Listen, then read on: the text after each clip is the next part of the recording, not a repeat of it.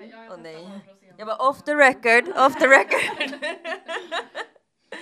Och nu kommer Marie Hammarberg det som var innan här var, var en annan eh, Karlstad-profil.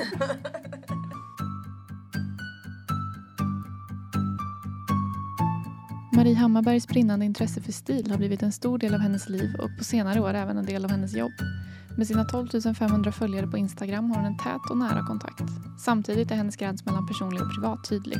Hon har till exempel inte med sina barn på bild och hon berättar inte var familjens sommarstuga ligger. Bara att den köptes under ett PMS-relaterat infall.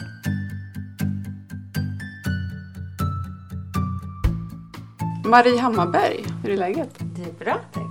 Härligt. Det är fredag eftermiddag. Mm. Klockan är halv tre ungefär. Vad har du gjort under dagen fram till nu? Eh, Jag har gjort lite innehåll till eh, min, min Instagram. Har haft lite möten om lite kommande event. Ja, vad mer har jag gjort? Ringt runt till olika människor. Mm. Ja, Har det varit en bra dag? det har varit en väldigt bra dag. Väldigt produktiv dag. Mm. Du fick ju välja plats som vi skulle ses på för att göra intervjun och då sitter vi nu i köksdelen kan man säga. Mm. Kombinerat med vardagsrummet. Berätta lite om det här rummet. Det här rummet är våran övervåning som ju är det är en sån här trendig öppen planlösning eh, med kök och vardagsrum. Och det här är mitt bästa rum. Det är här jag känner mig mest trygg i mitt hem. Eller jag känner mig trygg i hela mitt hem. Men det här är här som jag mår som bäst också. Varför då tror du? Jag har alltid tyckt om att vara hemma. Eh, och vill alltid, mina kompisar brukar alltid driva med mig om att jag vill komma hem i tid. och det stämmer. Men jag tycker om att vara hemma. Jag tycker det är hemma där jag kan vara mig själv helt och hållet. Mm. Eh, det är i hemmet som jag hämtar energi. Ehm, ja, jag tycker om att vara hemma. Du kanske ska beskriva rummet lite för de som lyssnar och inte vet hur det ser ut. Ja, det kan jag göra. Ehm, Det här rummet, som sagt, det är övervåningen på vårt radhus. Eh, och eh, vi sitter i köksdelen. Eh, och i andra sidan av rummet så är det vårt tv-rum som jag ofta möblerar om i lite ut efter säsong. Just nu så är det höst och vintermyssäsong. Så då är sofforna riktade mot tvn. Där sitter vi ofta på kvällarna, hela familjen. Också mellan oss och tv-hörnan där så har vi en liten, ja ska jag kalla det för en liten loungehörna kanske? Mitt emellan. Ehm, Det är också liksom höstsäsongen som har kommit in här. Vad ambitiöst att möblera om efter säsong. Hur, Ja. hur skiljer det sig på våren och sommaren? Nej, men då kanske det är ehm, mer inriktat på att man är mer utomhus. Eh, och att man kanske inte har lika mycket mysmöbler och sådär. Mm. Jag vet inte riktigt hur jag ska beskriva, men jag älskar verkligen att möblera om. Det är lite mindfulness för mig att hålla på och möblera om. Min man kanske inte alltid tycker det är lika kul när jag kommer på att jag vill möblera om, men han brukar hjälpa mig att bära. Annars så brukar jag också kunna bära ganska mycket själv. Eh, jag tycker det är ett eh, roligt sätt att förnya hemma och ja, bara Är det någonting du har planerat eller är det så här att du kommer in i ett bara nej nu jädrar ska jag... absolut aldrig planerat. Utan det, det bara händer. Det är känslostyrt liksom. Mm, Mm. Väldigt känslostyrt. Ehm, vi som har följt dig några år på Instagram, vi känner ju igen lite eh, liksom, fragment från ditt hus. Och det är Mm. inte bara det här huset utan det är ju sommarstugan Mm. och det är eh, spabadet utanför. Man liksom ser ju fragment av ditt liv och, Mm. och ditt, eh, ja, ditt, din familjs hem. Liksom. Mm. Hur är det att, att visa upp eh, sin, sin, ja, sitt liv på det viset? Ja, men jag, eftersom jag själv älskar att ta del av andras vardag eller andras eh, liv, privatliv framförallt tycker jag är jättespännande och jätteintressant. Ehm, så, ja men jag har väldigt tydliga ramar för inom mig för vad jag delar med mig av. Så jag har ganska bra kontroll tycker jag över vilka bitar jag delar med mig av. Så att, eh, nej, jag tycker bara att det är kul faktiskt. Mm. Hur drar du den gränsen då? Ja, men till exempel så är aldrig mina barn med eh, på mina sociala medier. Ehm, som stilkontot. Eh, och det har varit jätteskönt att jag bestämde mig för det från början. Eh, att de inte ska vara med på bild. Eh, sen, jag tänker nog eh, att jag liksom, försöker vara väldigt personlig men är sällan privat, en klassiker. Mm. Mm. Ja. När blir det privat för dig då? Privat skulle nog vara att beskriva kanske om man har något problem eh, som liksom gäller kanske barnen eller någon annan i min närhet eller så. Eh, eller eh, ja, men jag har till exempel valt att inte berätta vart vår stuga ligger eh, utan jag har bara sagt att den ligger någonstans i Värmland för det är vissa saker som jag bara har bestämt mig för att jag vill behålla för mig själv. För jag delar med mig ju så väldigt mycket av mitt liv både i bild och i text. Så då har jag liksom bestämt mig för att nej men de här vissa delarna de är bara mina. Är det svårt att, att veta vad man, vad man egentligen vill visa upp? Alltså är det något som du eh, tänk, alltså måste tänka på varje gång du lägger ut någonting eller är det något som kommer som känns naturligt? Mm, för det mesta så känns det naturligt tycker jag för det är ju fokus på stil. Eh, och att det är det som det ska vara fokus på. Och sen så delar jag med mig lite extra av livet ibland eller av mina egna tankar och sådär. Eh, men ja, absolut. Ibland eh, har det absolut hänt att jag raderat någon story eller sådär för att det, nej, men det kändes liksom inte helt rätt. Och då, nej, men då tar jag bort det bara. Mm. Ja. Får du mycket frågor om sånt som du egentligen inte vill dela med dig av? Ja, det, det får jag. Och det varierar lite vilka frågor som jag tycker Eh, besvärliga, eller hur man ska säga. Ehm, som, ja, på sommaren är det mycket frågor kring vart min stuga ligger. Eh, men då brukar jag ibland lägga ut i någon story. Alltså jag kanske har någon frågestund och någon frågar det och då skriver jag det där. Så, men jag har valt att inte berätta om det. Ehm, men också sådana såna här frågor som, alltså väldigt vanligt att mm, jag får frågor om vilken storlek jag har på mina kläder. Och det, jag vet inte varför, men det har jag jättesvårt för. Det är liksom... Det är ju egentligen inte särskilt privat, men ändå så förstår jag liksom inte riktigt varför det är så viktigt för vissa att få svar på det. Så det är en sån där fråga som jag bara, nej, jag bara bestämt mig för att just nu så svarar jag inte på det. Just nu? Ja, det kan just ändra, nu. Så, sen kan det ändra sig och det, Mm. det gör det med vissa saker fram och tillbaka hela tiden. Men Mm. ja, det är en sån grej som jag inte vill svara på. Mm. För att det inte känns bekvämt för dig eller för att du inte vet vad det tillför den stora massan så eller? Precis. Mm. För att jag tänker, men vad ska det tillföra? Mm. Eh, Jag tycker att det redan är så otroligt mycket fokus på storlekar och, och kroppsideal och sådär så att jag tänker nej, jag vill inte vara med på det. Mm. Mm. Men nu är vi inne på eh, lite grann det du gör som influencer. Då. Kan du ta oss tillbaka till när du började med stilkontot? Ja, Eh, det började för ungefär sex år sedan. Eh, då hade jag fått mitt andra barn. Kände mig, jag har alltid varit jätteintresserad av kläder eh, och hade jättemycket kläder och väldigt mycket, köpte väldigt mycket second hand-kläder, köpte väldigt mycket på kedjorna. Men när jag hade fått mitt andra barn där, då kände jag så här att jag har ingenting att ta på mig fast jag har så mycket kläder.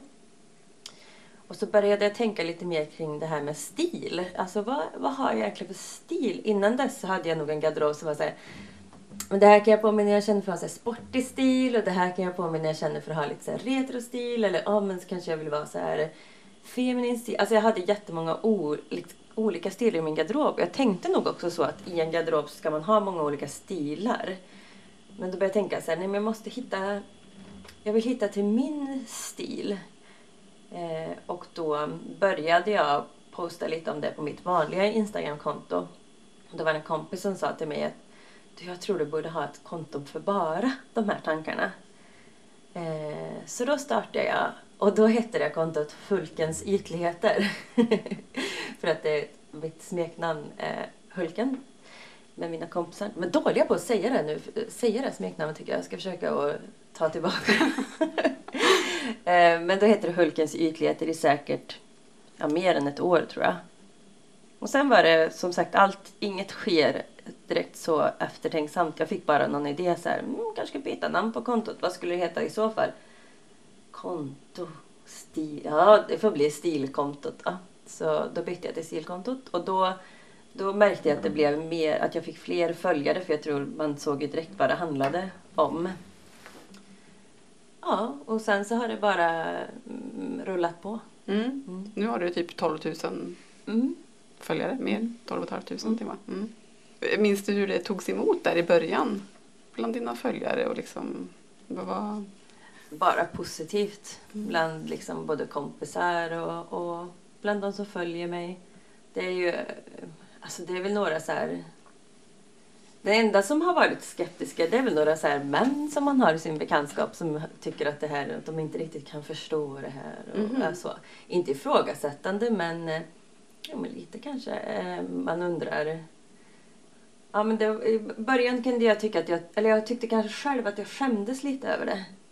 Eh, Att, jag, Över- ha- ja, att jag hade det här kontot och att det var så ytligt liksom att det bara handlade om det här. Men det, det har jag helt kommit över nu. Men det tror jag också var för att jag... För att det, är nu är det ju också ett företag så det blir liksom lite mer och... Hur ska jag säga? Det är som att det har fått mer mandat på något sätt. Mm. Mm. Det är legitimerat. Ja, är precis, ditt legitimerat. Ja. Mm. Okej, men det här var ändå personer som följde dig fast de ändå var Nej. kritiska? Nej, det var nog mer liksom i omgivningen. Ja, så. okej. Mm. Mm. Den klassiska liksom, att det kanske inte är så många män som, som stöttar det som kvinnor gör. Men alla kvinnor i min omgivning var väldigt stöttande Ja. och tyckte det var roligt. Men min man däremot har- varit superstöttande från dag ett och han är ju mitt största fan. Han är Mm. det största stilkontot-fanet. Och kollar alla stories och ger liksom feedback och hejar på och sådär. Mm. Mm. Du gör ju skillnad på stil och mode. Mm. Eh, Berätta om det.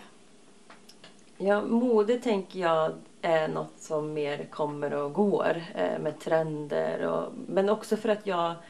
Framförallt så handlar det nog om att jag inte känner att jag är inkluderad i det begreppet eh, mode. Eh, men stil däremot tycker jag är något som, som är mer inkluderande för alla.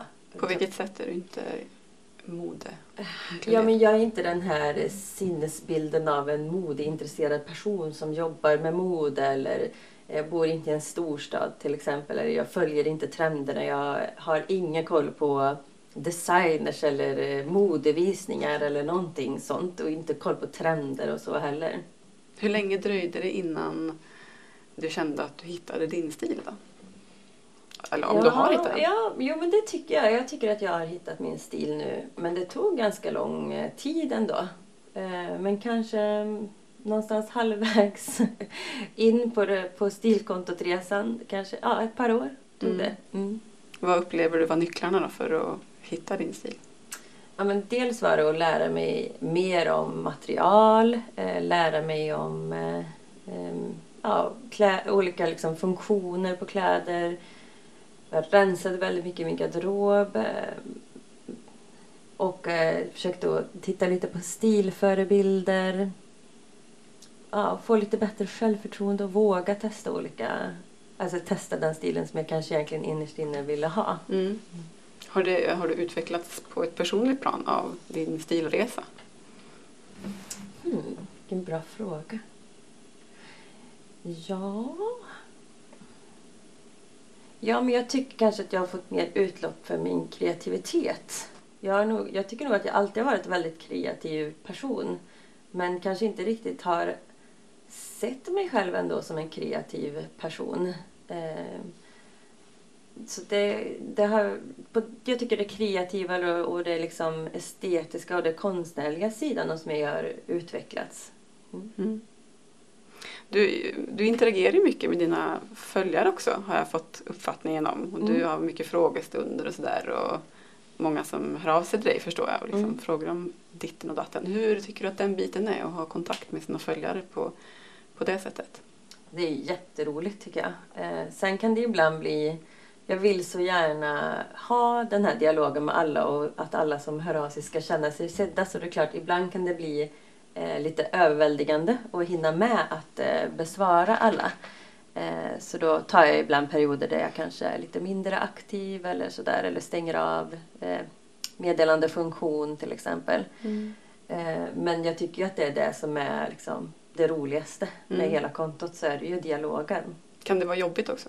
Ja, det kan det ju när jag känner att jag mm, sitter mer och, och har dialog med mina följare än med min familj kanske till exempel vissa kvällar. Ja. Då får man ju liksom säga till sig själv att nu får du liksom ägna lite tid här också. Mm. Det blir balans. Är det svårt att ha balansen? Mm, nej, in, nej, jag tycker faktiskt inte det. Det är svårt. Mm. Man Ja. får bara säga till sig själv lite. Ja, det man ser, eller det man upplever när man följer dig är ju, tycker jag, att du verkar vara väldigt bra på att hålla en balans mellan eh, familj och vänner och, men att du även är bra liksom, att ta tid för dig själv också. Eh, det är i alla fall det man, så man kan tolka det när man, man eh, följer dig och så. Mm. Vad, är det så? Ja, ja, det tycker jag faktiskt. Jag tycker att jag är bra på att ta hand om mig själv och ha balans. Och det, jag är ju, som sagt, som vi pratade om förut, jag kan vara väldigt impulsiv men jag är också superstrukturerad. Eh, så att jag har till exempel, ja, men jag har en idé om eh, en viss struktur som jag följer med mina bilder och mina texter på kontot till exempel. Jag har en viss uppfattning om hur ofta jag postar eller ungefär vilken tid jag gör det. Eh, Så att jag har ändå en viss, eller jag har inte en viss, jag har en, jag har en struktur på kontot eh, som gör att eh, det skapar, alltså att det blir tid över till annat och så. Du vet när du ska jobba med det? Liksom. Ja. Mm. Ja, precis. Och då försöker jag säga också att ja, men nu ska jag, kanske till min familj, att nu sätter jag mig och gör det här en stund och så. Mm. Och sen nu är det din, ditt företag på en, eller du jobbar med det som ett företag Mm. på en viss procent. Mm. Var det självklart att du skulle göra business av stilkontot? Nej, det var det absolut inte. Eh, och det, jag höll ju på med stilkontot i många, många år innan det blev någon typ av ekonomi i det. Eh, så det var absolut bara tänkt som en hobby och ett intresse. Från början när jag startade kontot var det ju liksom för att jag skulle prata med mina kompisar om stil på kontot. Jag har aldrig kunnat tro att det skulle bli så här stort. Mm. Eh, Men så förra året så, mm, så, så märkte jag att ja, men nu, nu rullade in ganska många uppdrag och jag tyckte att det var kul eh, att få göra olika samarbeten till exempel. Eh, och då, då fakturerade jag via sådana här faktureringsföretag, företag, äh, tjänster. Men jag insåg sen att jag tror att jag behöver göra ett eget företag av de här uppdragen. Eh, och det var ju superläskigt. Vad var det som skrämde? Jag tycker att det är jättesvårt med ekonomi och bokföring och ehm, jag är väldigt rädd för att göra fel tror jag. Mm. Eh, men jag fick jättebra hjälp av Nyföretagar, Nyföretagarcentrum eh, och ehm, även jättebra hjälp från Skatteverket också. Och sen så tog jag faktiskt beslut att anställa en, eller inte anställa men ta hjälp av en revisor. Mm. Mm, det. Och då, Mm. eh, då sjönk stressen ganska mycket. Men det, Mm. nej, det, det ligger, jag hade aldrig trott att jag skulle... Eh, jag har nog tänkt att jag skulle kunna bli egen företagare någon gång i mitt liv. Men jag trodde inte att det skulle bli det här. Det hade jag inte tänkt mig.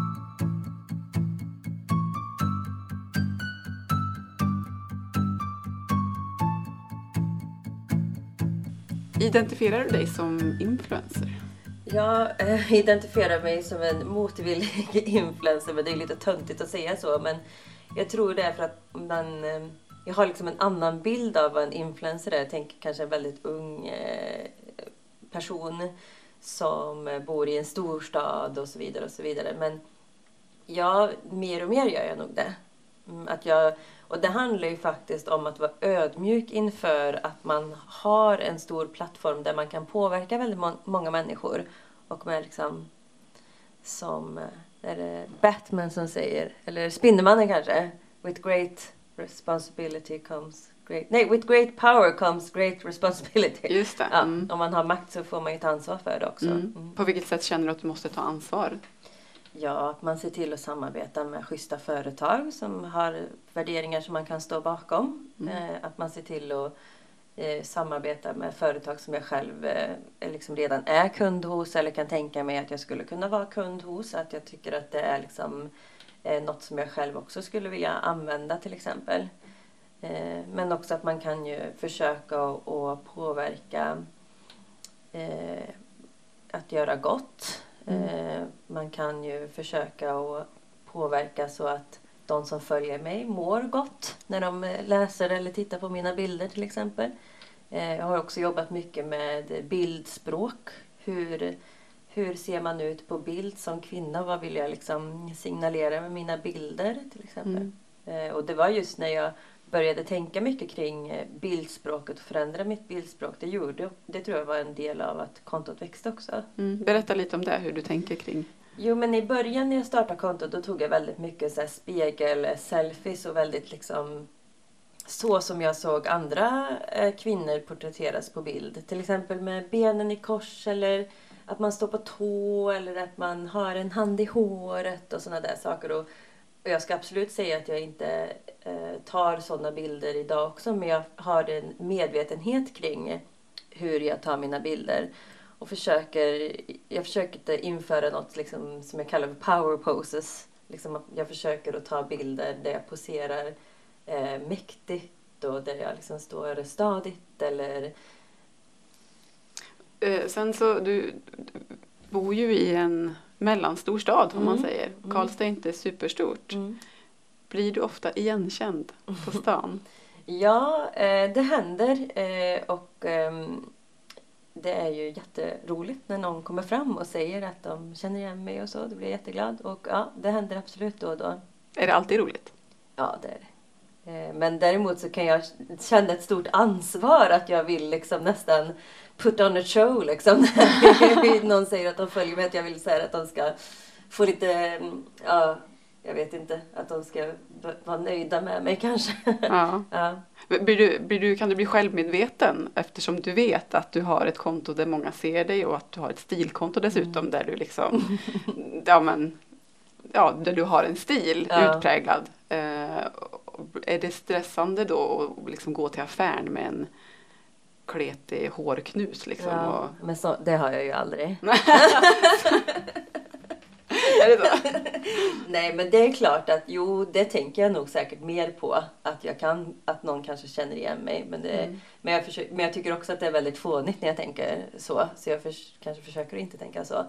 Eh, men eh, ja, det är ju en ny eh, erfarenhet kan man ju säga. Att när man är nästan 40 år gammal helt plötsligt liksom att folk känner igen en. Och här i Karlstad är det också så att jag vet ju inte eh, för en del kommer fram och säger hej och en del tittar bara eller ler och då vet jag ju inte riktigt. Är det bara för att den är liksom, ja vi ler och vi är trevliga mot varandra eller är det liksom en förälder från alla år som har jobbat som skolkurator eller jag vet liksom inte riktigt. Eller är det, är det någon jag träffar på gymmet eller sådär. Så att det, mm. det, det, kan ju vara lite förvirrande för mig ibland att jag inte mm. riktigt vet eh, om man känner igen eller inte. Men däremot eh, de flesta av mina följare bor ju i Stockholm. Då är det där tycker jag nästan när jag är där att det är vanligare mm. att, att, man kommer fram. Mm. Det kanske, om man bor i Karlstad kanske man inte riktigt vågar ge sig till känna att man ja, vet vem du är. För att det är lite för, blir lite för nära. Ja. Ibland kan man ju få DM efteråt också. Jag såg dig på stan. och då tänker jag alltid så här, åh gud jag hoppas inte det var då när jag skrek på barnen inne på någon leksaksaffär eller något sånt. Ja, Utan att man bara kanske såg eh, snäll och trevlig ut. Och en sak som jag har noterat är ju att eh, det här med att, alltså för du hjälper ju personer med sin stil mm. och det är liksom en tjänst som du utför och tar betalt för. Mm. Um, och jag har sett att du har försvarat flera gånger liksom, att du måste ta betalt för de tjänster som du utför och vid något tillfälle för mig att du höjde taxan och liksom att du berättade varför och sådär. Mm. mm. Hur tycker du att den biten är att ta betalt för det du gör? Det är jättesvårt eh, att veta vad ens egna eh, tjänst har för värde. Eh, så det är jättesvårt och det är också svårt för ibland får jag väldigt mycket frågor som egentligen är ju, eh, ingår i min mitt för, alltså det är min, min företagsidé och det är också svårt att säga så här, nej men jag kan inte hjälpa dig gratis med det här. Du menar så i, i interaktionen på, på kontot? Ja, sådär, precis. Att någon, ja. Um, så det är jättesvårt uh, mm. att ta betalt tycker jag. Ja, just det. För det är ju många som frågar liksom rakt ut på, en, på ett inlägg bara. Mm. Så här, men vad ska jag ha på mig på? Mm. Jag ska på bröllop. Mm, vad ska jag ha på mig? Ja. Och ibland så, om jag har en frågestund till exempel, då kan jag plocka upp en sån fråga och svara på den. Eh, men jag kan liksom inte svara på olika mejl där man vill ha hjälp med eh, sin stil utan då är det ju det, det är som att be frisören att bara klippa en lite grann sådär. Mm. Du som tycker det är så kul att klippa hår som jobbar med det. Du kan Mm. väl göra det lite så bara här ikväll på mig. Har du fått mycket ifrågasättanden från följarna? När Nej. du inte vill svara? Nej, det tycker jag. Det är ingen som har ifrågasatt det. Nej. Nej. Utan de blir mer så här, oj men gud, ja, det, nu fattar jag liksom. Det är klart att du inte kan göra det. Mm. Men jag tror också att man inte riktigt eh, har koll på hur många, liksom, hur lång tid det tar. Eh, om jag till exempel eh, om jag har en frågestund och någon frågar till exempel, en ganska vanlig fråga ändå säger jag ska gifta mig. Vad ska jag på? Då är det inte så Mm. att jag liksom scrollar fram första bästa utan jag kanske kan lägga 30-40 minuter på att hitta en riktigt fin, som jag tycker då, Mm. eh, passande outfit. Och då, det är ganska mycket tid. Liksom. Och jag Mm. gör det gärna när jag har frågestunder men jag kan inte göra det enskilt. Liksom. Nej. Vad är en, om man köper en tjänst av dig, jag förstår att du har lite olika sådär, men berätta Mm. om liksom ett typiskt, eh, en typisk kund. Mm. Eh, en typisk kund är ofta en, en kvinna mitt i livet. Kanske har barn, har kanske inte ehm, ja, investerat varken så mycket tid eller ekonomi i sig själv den senaste tiden. Eh, det kan You rang. och ehm, ja, som kanske känner sig lite vilsen. Men många är också själv väldigt liksom, klädintresserade men de vill ha liksom, hjälp med att kanske få renodlat någonting eller så. Och ehm, väldigt ofta så, så handlar det ju så mycket mer än om yta och kläder utan det handlar ju jättemycket om ja, hur man vill känna sig. Mm. Hur man vill att ens kläder ska få en att känna sig. Mm. Mm. Du är ju kurator också. Mm. Är det mycket kurativt i det här liksom, när du pratar med kunder? Och, för jag tänker att det är mycket, alltså om man är lite vilsen i sin, eh, Ja. i sin stil och sitt liv kanske och så Mm. kommer man till någon som vill hjälpa en. Är det Mm. mycket sånt liksom? Mm. Får du ta mycket, mycket ja, annat? Det, det blir ofta nästan till terapeutiskt, Mm. de sessionerna som jag har med mina kunder. Mm. Ja.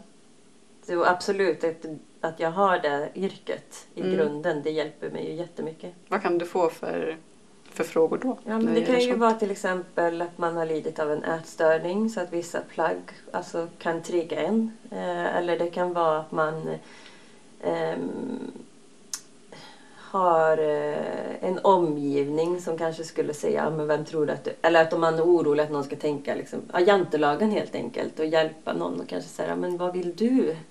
Liksom, livet är för kort för att du ska tänka bara vad andra tycker om din stil, om du har det här inom dig som du vill leva ut. Men sen också att det kan ju handla om att man känner att man har gjort väldigt mycket felköp och att man känner sig lite vilsen och så Mm handlar om att man kanske är lite otrygg så att man kan få hjälp med att känna sig lite tryggare. Mm. Eh, ibland är det också någon som har fått någon ny tjänst, alltså att man kanske blivit befordrad i sitt jobb och helt plötsligt kanske den garderoben man hade in, man känner att det kanske inte riktigt hänger med i ens personliga utveckling och så är man kanske, man vill ha liksom hjälp med det snabbt. Mm. Mm. Hur, mycket, hur mycket kunder har du?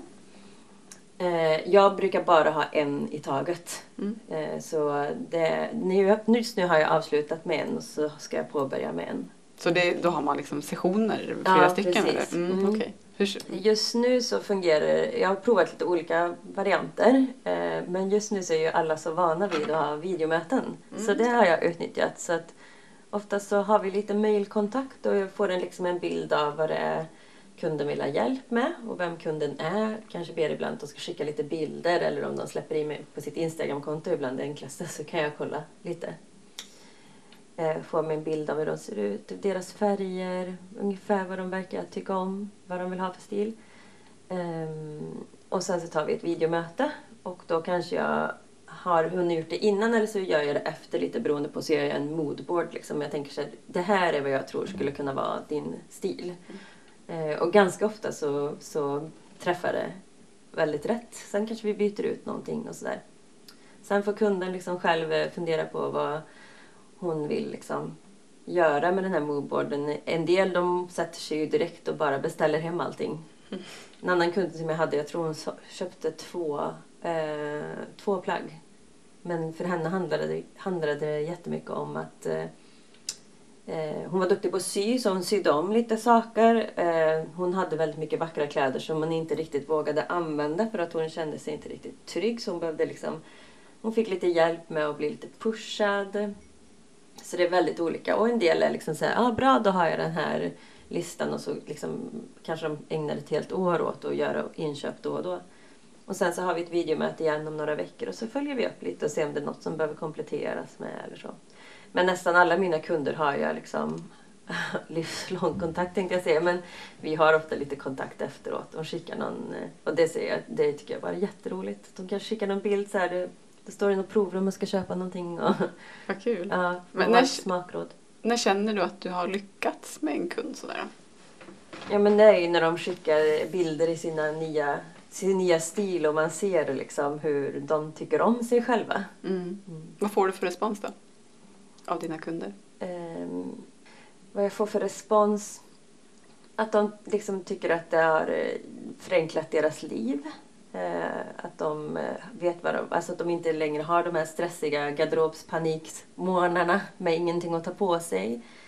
Eh, men också det här att ja, man känner sig trygg om man till exempel har det kan ju vara, jag hade en författare till exempel som skulle göra många framträdanden. Att kunna känna att när jag ska göra det här framträdandet så behövde hon inte längre tänka på vad hon skulle ha på sig utan hon kunde tänka på vad hon skulle säga och, om sin bok och vad hon skulle prata om istället. Mm.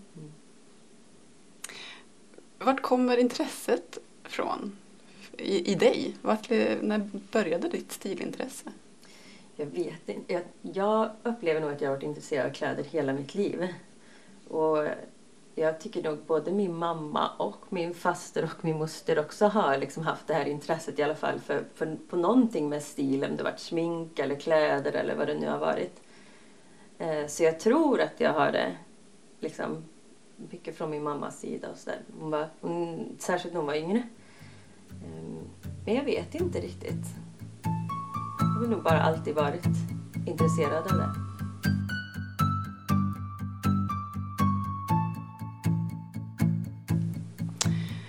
Ska vi, du har fått en kortlek framför dig. Mm. Det här tycker jag är spännande för det är liksom frågor som inte varken du eller jag vet vad det blir av. Ska du ta första kortet Mm. och se vad det står på?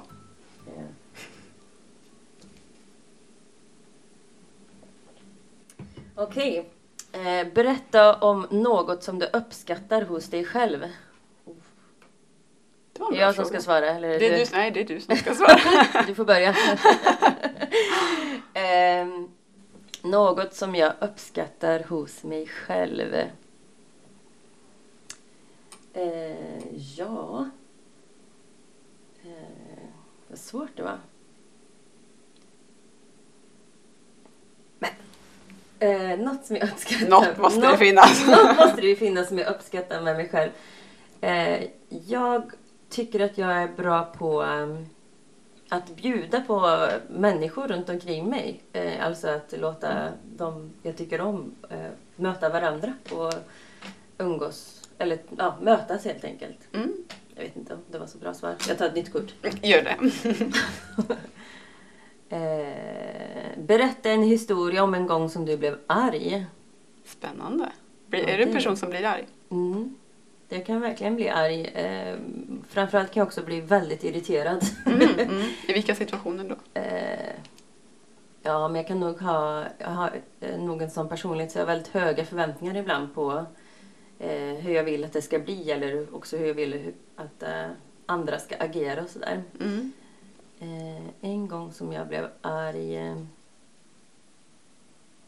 Ja, men jag kan ju ta den här. Vi pratade faktiskt om det ju precis innan när eh, Alexandra Pascalido var här i Karlstad och eh, eh, då var eh, ett gäng i publiken som var väldigt starkt motståndare till henne som tillhör en organisation som jag inte kommer på namnet på nu. Eh, Men de var där och betedde sig väldigt obehagligt och obekvämt. Eh, Och Alexandra blev ju fruktansvärt o, liksom, ja, hon sa rakt ut jag, jag är rädd när hon Mm. eh, satt där uppe på scenen. Eh, och då blev jag jättearg ehm, och eh, ja, då blev jag arg. Hur reagerade du då, då i den situationen? Eh, ja, först så blir man ju väldigt obekväm och det liksom kokar igen och man är liksom, man blir nästan pirrig i hela kroppen.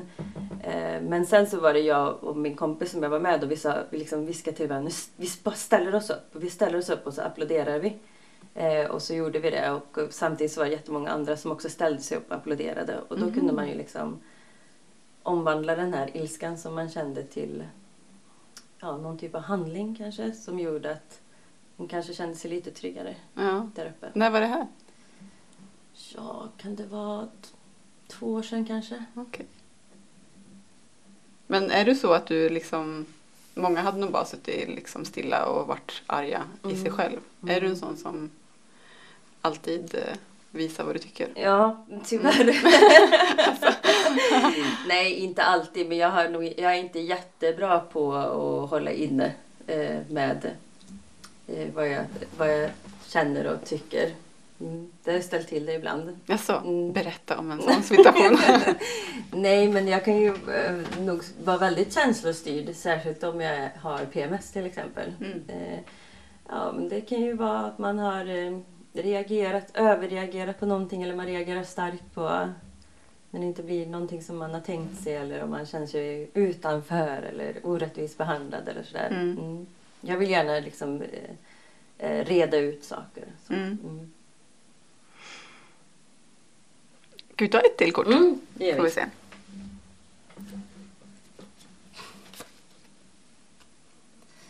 Ja, berätta om en plats som får dig att må bra. Det har vi ju pratat lite om. Mm. Eh, men, Är det eh, den platsen vi sitter i? Ja, absolut. Men också våran stuga. Mm. Där mår jag väldigt, väldigt bra. Mm. Berätta lite om stugan. Även Ja, om du inte vill eh, säga var den är någonstans. Vår stuga har vi haft nu i 11 år. Eh, och eh, på tal om att vara känslostyrd då så var det så att jag och min man Hasse, vi hade precis, vi hade inte varit ihop länge kanske, ett halvår eller så. Eh, och så hade jag PMS. och eh, var ledsen. Han bara, men vad, vad är det liksom? Varför är du ledsen? Jag bara, jag, jag vill så gärna att vi ska ha ett torp. och han bara, ja men då får vi, vi köper ett torp då. Jag bara, va? Okej. eh, och så gick vi in på Hemnet och kollade. Det här var ju då ungefär 10-11 år sedan. Det var liksom ingen som köpte fritidshus då. Nu är det ju väldigt mycket mer populärt så det var inte så dyrt. Ehm, så vi bokade upp oss på några visningar ehm, och åkte iväg på den första visningen och det var den stugan som vi har nu då. Och då köpte vi den. Det är superspontant. Det var, ja precis. Ja. Så, Men kändes det bra hela vägen eller var det så att du kom över din PMS och sen bara shit, ja, när vi hände? skulle ta lånen för det var Ja. första gången som jag tog liksom lån utöver studielån i mitt liv. Så då var ju, det var ju superläskigt. Mm. Ungefär som när jag startade företaget. Mm. Jag bara direkt har någonting med ekonomi och siffror att göra och sånt. Och man, det är svårt att förstå liksom hur allt hur det Mm. fungerar och sådär. Eh, men ja, min man han är väldigt lugn av sig så han var såhär, men det här det ordnar sig, det här blir jättebra och så. Så det var just där och Mm. då, men inte en sekund efter det. Nej. Nej. För där är ni väldigt mycket. Ja, Ja, jag förstår. Ni liksom flyttar ut dit på Ja, någon gång under sommaren. Och så. Ja. Berätta lite om, om det pusslet. När Ja, ni det är verkligen ut. pussel. Vi konstaterade när vi stängde stugan här förra helgen att vi lever något slags eh, säsongsliv. Mm. Så att liksom våren och sommaren då lever vi liksom väldigt mycket ute i stugan, väldigt nära naturen.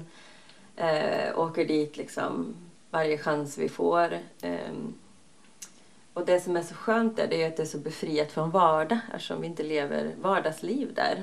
Ehm, utan där ute, det är väldigt förknippat med vila och återhämtning och ledighet. Mm. Ehm, och sen kommer liksom hösten och då, är vi, då kan vi känna oss ganska så nöjda och lite mätta och så här, nu stänger vi och så lever vi liksom ett mer kanske stadsnära liv då Mm. på hösten och vintern. Och det är väldigt, eh, jag gillar det, väldigt omväxlande. Mm. Hur tycker, du pratar ju, eller i dina sociala medier så, som du sa, du vill inte visa dina barn och sådär. Mm. Hur tycker de att det är att flytta fram och tillbaks? Ja. Om du vill prata om det. ja, det kan jag absolut göra. För det är väldigt roligt att du frågar det. För att när vi skulle åka hit sist så var det så här, vi vill inte åka till stugan. Så nu har de börjat att eh, reagera lite. De är sex och åtta år nu. Eh, men eh, nej, men på våren och sommaren så tycker de nog, jo de tycker det, att det är härligt att vara där de också. Jag tror att de märker på oss också att vi är mer avslappnade och mer ner i varv när vi är där och så. Mm. Mm. Um, vi snuddar ju lite vid det här att du är kurator också. Mm. Um, för det är du ju egentligen mest i Ja. ditt förvärvsarbete. Uh, Jag är faktiskt verksamhetsutvecklare inom det psykosociala perspektivet. Se där! Ja, Ja, Jag har en ny titel sedan några månader tillbaka. Okej, Mm, ja. Så jag jobbar på, liksom på förvaltningen, eller, med, eller inte på förvaltningen, jag jobbar på centrala elevhälsan mot eh, skolan och förskolan. Mm. Jag jobbar med för, liksom förebyggande och främjande arbete enbart. För det, det är ju det du gör som mest i ditt jobb. Alltså när du Mm. jobbar så är det ju det egentligen Mm. som är den stora Mm. procenten. Ja, Men, och, och det känns som att man får uppfattningen om att du tycker väldigt mycket om ditt ditt, Mitt riktiga jobb. Ja, men, ja, exakt. Det, Det är- det, det- som jag kallar det 80 så. procent i alla fall. Ja. Ja. ehm, eh, fast du, man, man vet ändå inte så mycket om det. Nej. Kan inte du berätta lite vad det är som gör att du tycker om ditt jobb så mycket? Ja, men jag, det är ju för att jag brinner för mitt jobb väldigt mycket. Att barn ska kunna komma till förskolan och skolan och känna sig trygga. Eh, för det är en väldigt viktig aspekt för att man ska lyckas och nå utbildningens mål. Eh, och vi vet att, eh, att man når goda skolresultat är den enskilt mest eh, starkaste skyddsfaktorn för att leva ett bra liv. Eh, och vi vet också att eh, om man blir utsatt i skolan eller om man inte känner sig trygg till exempel så minskar ju chansen att man når eh, sina skolresultat. Så det är en jätteviktig fråga som jag brinner för. Vad gör du rent konkret under en arbetsdag? Ja, just nu så ett av de politiska målen som vi har det är att barns psykiska hälsa i vår kommun ska vara god. Eh, och en del av det är att vi jobbar med eh, en hälsoutbildning som är en, det är en information egentligen som alla skolkuratorer och skolsköterskor är ute och undervisar alla barn på alla kommunala skolor i hela Karlstad kommun. Eh, och då undervisar man i liksom fysisk hälsa och psykosocial hälsa. Vad man eh, kan göra för att må bra helt enkelt. Vad kan jag själv göra för att må bra? Och sen så har vi också en eh, information som kommer gå ut till vårdnadshavare och vi har också en information som kommer gå ut till viktiga vuxna runt de små barnen i förskolan. Mm. Mm. Okej, så det här kurativa det gör du inte riktigt Nej. alls på samma sätt? Nej. Nej. Jag gör inte. Då var min presentation fel Ja. i början. ja, ja. Ja, det är inte lätt att hänga med. Det Nej. är knappt så jag själv hänger med. Framöver då? Mm. Om vi blickar framåt. Mm. Vad händer för dig? Ja, eh, jag har faktiskt inga sådana långtgående planer. Det hade ju varit jätteroligt om man var en sån där person som hade någon slags femårsplan. Men eh, hittills så brukar jag låta det få planera sig själv lite organiskt sådär. Eh, det verkar funka hittills jag tror jag fortsätter så. Ja, vad ska jag i helgen då? Det är en lite Ja, mer... I eh, helgen så ska jag, efter vi är klara här, ska jag åka och träffa min kompis Rebecka på badhuset, på relaxavdelningen där. Just det. Eh, och imorgon så ska jag på födelsedagsmiddag hos eran kollega Mhm. eh, Carro. Ja, det. eh, och utöver det så ska jag väl ägna mig åt, eh, det är den där balansen, ännu mer vila och återhämtning. Mm. Mm. Hur mår du just nu då? Ja, jag mår väldigt Är bra. det, ska är det jag bra balans i livet? Ja, liksom? det Mm. tycker jag. Mm. Mm. Vad, jag har två sista frågor. Mm. Vad längtar du efter just nu? Eh, jag längtar efter eh, vintermörkret. jag tycker att det är jättehärligt med eh, vinter och eh, mörker och det är en eh, säsong som eh, eh, säger att man ska vila och Mm. ha det lugnt och skönt. Eh, så det längtar jag efter. Jag kan också längta efter att få ta fram mina längdskidor som jag köpte förra året och åka lite längd. Mm. Du har inga problem med mörkret och kylan och att många tycker att det är lite jobbigt Mm. när man går in i den här perioden. Nej, det Mm. har jag inte. Skönt. Ja. Kan du rekommendera en bok tack?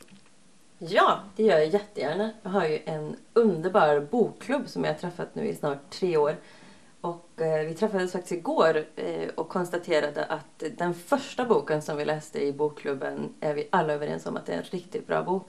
Och den heter Vända hem av Ja Gyasi, tror jag man uttalar författarens namn. Så den vill jag jättegärna rekommendera. Riktigt bra bok. Det låter jättebra. Tack Marie Hammarberg för att du tog dig tid. Tack så jättemycket.